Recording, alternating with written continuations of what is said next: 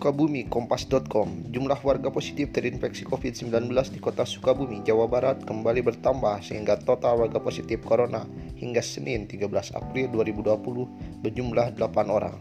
Seluruh warga yang positif corona ini masih mendapatkan penanganan dan perawatan tim medis di ruang isolasi rumah sakit di kota Sukabumi. Kemarin kami menerima hasil tes swab sebanyak 5 pasien positif, kata Wali Kota Sukabumi Ahmad Fahmi dalam siaran pers yang diterima Kompas.com Senin petang. Menurut Fahmi, dengan adanya 5 warga positif corona dari hasil tes swab di Labkesda Provinsi Jabar, maka total warga yang positif COVID-19 menjadi 8 orang. 5 pasien positif COVID-19 ini masih terkait dengan pasien positif sebelumnya, juga masih terkait dengan institusi negara yang berlokasi di kota Sukabumi. Dari 8 warga positif COVID-19 ini di antaranya ada seorang dokter dan tiga perawat, ujian mantan wakil wali kota Sukabumi periode sebelumnya. Pasien positif COVID-19 ini ada yang terpapar saat menangani pasien COVID-19 dan juga ada yang terpaparnya di luar, sambung dia. Fahmi mengharapkan agar masyarakat kota Sukabumi tetap tenang dan tidak panik percayakan penanganan kolaborasi dapat dilaksanakan bersama pemerintah daerah dengan masyarakat serta seluruh elemen. Sekian berita yang dapat saya sampaikan. Terima kasih.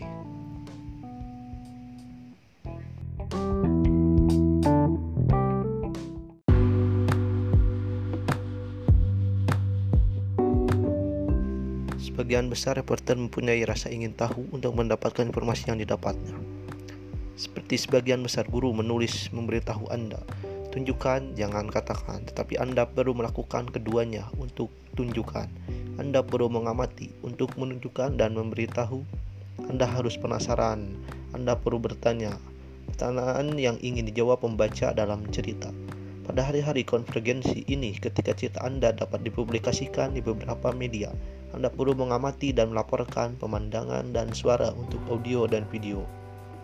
Bagaimana Anda tahu pertanyaan apa yang harus diajukan, apa yang harus diamati dan dilaporkan? Mulai dengan dasar-dasarnya. Siapa? Dapatkan nama lengkap orang yang terlibat, lengkap dengan inisial tengah dan selalu periksa ejaannya. Seorang bernama John mungkin mengejanya John atau cara lain jika sumber Anda dikenal dengan nama panggilan, tulis nama lengkapnya pada referensi pertama dan masukkan nama panggilan di tanda kutip setelah nama pertama. Untuk televisi, nama sumbernya mungkin ditumpangkan di atas gambar di layar sehingga ejaan yang akurat sangat penting baik. Tanyakan sumber Anda bagaimana ia lebih suka ditangani.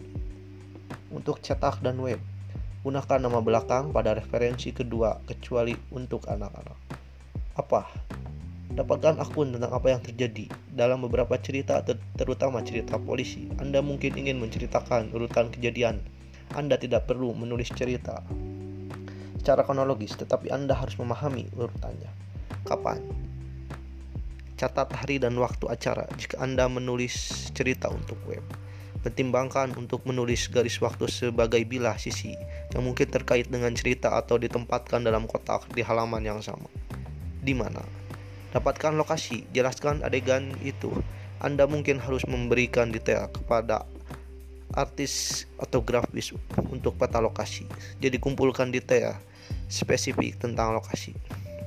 Mengapa? Memahami apa yang menyebabkan acara tersebut apa konflik itu dan apa itu resolusi jika ada. Bagaimana mencari lebih banyak informasi tentang apa yang terjadi, bagaimana ter itu terjadi, dalam apa acara itu dibuka. Jadi apa? Apa dampak acara ini terhadap para peserta? Apa yang membuat cerita ini bernilai berita atau signifikan? Jika Anda sedang menulis pertanyaan jajak pendapat untuk televisi atau web, apa yang akan Anda tanyakan kepada pembaca atau pemirsa? Sekarang untuk pertanyaan yang lebih sulit. Apa yang perlu diketahui pembaca untuk mengerti dan peduli dengan ceritamu? Anda tidak bisa menjelaskan acara kecuali Anda memahaminya sendiri. Dan Anda tidak bisa memahaminya kecuali jika Anda menggali jawaban. Bermain peran Tempatkan diri Anda dalam peran pembaca. Apa yang membuat cerita itu penting dan menarik? Jika Anda terpengaruh oleh cerita ini, apa yang Anda inginkan dan butuhkan untuk mengetahui? Seperti contohnya, bayangkan Anda adalah seorang reporter untuk koran kampus Anda. Telepon berdering. Telepon memberitahu Anda bahwa ada kebakaran. Dan kemudian menutup telepon, Anda memanggil departemen. Pertanyaan yang muncul di benak Anda, jika Anda memiliki teman sekamar, kemungkinan Anda akan melakukannya. Seperti menanyakan apakah ada orang lain di dalam gedung yang terbunuh atau terluka, Apakah apartemen atau kamar Anda hancur? Berapa Berapa luasnya kerusakan? Apa yang menyebabkan kebakaran itu? Kapan itu dimulai? Berapa lama gedung itu terbakar? Anda mungkin khawatir dengan pertanyaan lain. Berapa lama waktu yang diperlukan? Apakah ada saksi mata? Siapa yang menyebut departemen? Seberapa cepat? Apakah departemen merespon? Apakah ini pertama kalinya gedung ini dilanda?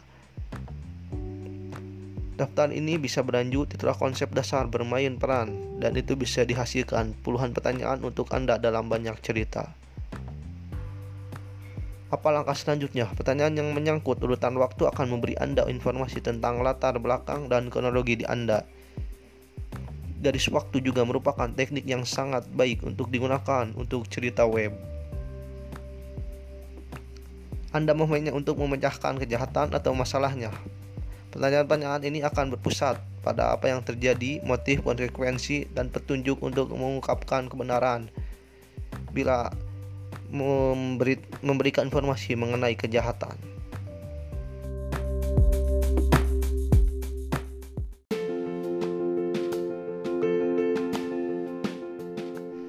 Assalamualaikum warahmatullahi wabarakatuh. Kenalkan saya Rizky Azarianto Taufik dengan NIM 1807567. Di sini saya akan menjawab pertanyaan diskusi dari part 3 mengenai impact leads. Pertanyaan yang pertama yaitu apa judul berita yang akan Anda buat? Judul yang akan saya buat yaitu dampak virus corona terhadap keberlangsungan hidup masyarakat, terutama buruh. Yang kedua, bagaimana cara Anda menjelaskan serta meyakinkan berita yang Anda buat kepada pemirsa dengan menyajikan data yang faktual dan aktual sehingga berita yang diperoleh akan dapat lebih akurat dan dapat dipercaya oleh pembaca dan juga pemirsa. Yang ketiga, apakah berita yang Anda sampaikan memberikan pengaruh terhadap suatu permasalahan? Ya, karena saat ini sedang dalam masa pembatasan sosial sehingga banyak buruh yang diliburkan dan tidak mempunyai penghis yang, dan tidak mempunyai penghasilan untuk memenuhi kebutuhan kebutuhan hidupnya. 4. Bagaimana cara Anda menyajikan berita agar tampak segar, relevan, dan bertenaga? Jawaban saya, e, berita dapat tampak segar, relevan, dan bertenaga dengan menggunakan data yang faktual dan dengan judul berita yang bagus sehingga menarik minat pembaca untuk membaca berita saya. Yang kelima, apakah berita yang Anda sampaikan mewakili pertanyaan pemirsa? Ya, tentu saja berita yang saya tulis ini mewakili pertanyaan pemirsa karena dampak virus ini membuat masyarakat kebingungan dalam mencari penghasilan terutama buruh. Banyak buruh yang DPHK sehingga tidak mempunyai penghasilan. Dan akibatnya mereka kebingungan untuk menjalani hidupnya terutama memenuhi kebutuhan pokoknya. Yang keenam, menurut Anda apa artinya berita yang Anda buat bagi pemirsa? Tentu saja, berita yang saya buat ini mempunyai arti bagi pemirsa, yaitu berita yang saya sampaikan yang nantinya menyampaikan informasi sehingga masyarakat dapat tahu informasi yang sedang hangat atau yang sedang terjadi pada saat ini. Yang ketujuh, apa tantangan yang Anda hadapi dalam membuat tugas civic affairs? untuk mendapatkan informasi saat ini cukup sulit karena sedang diberlakukannya social distancing sehingga data yang diperoleh pun tidak begitu banyak sehingga saya hanya dapat memperoleh sumber hanya dari media cetak seperti koran, media televisi, media internet, televisi dan lain sebagainya. Bagaimana solusinya? Solusinya yaitu dengan membaca banyak literatur dan sumber berita sehingga dapat memperoleh data yang aktual dan faktual dari permasalahan yang sedang terjadi pada saat ini. Karena sesuai judul yang saya tulis, permasalahan ini sangatlah menjadi cukup serius karena banyak masyarakat yang di PHK terutama buruh sehingga tidak dapat memenuhi kebutuhan hidupnya. Oleh karena itu saya harus membaca banyak literatur melalui berbagai media massa seperti internet, media cetak, koran, dan lain sebagainya. Sekian yang saya dapat sampaikan. Assalamualaikum warahmatullahi wabarakatuh.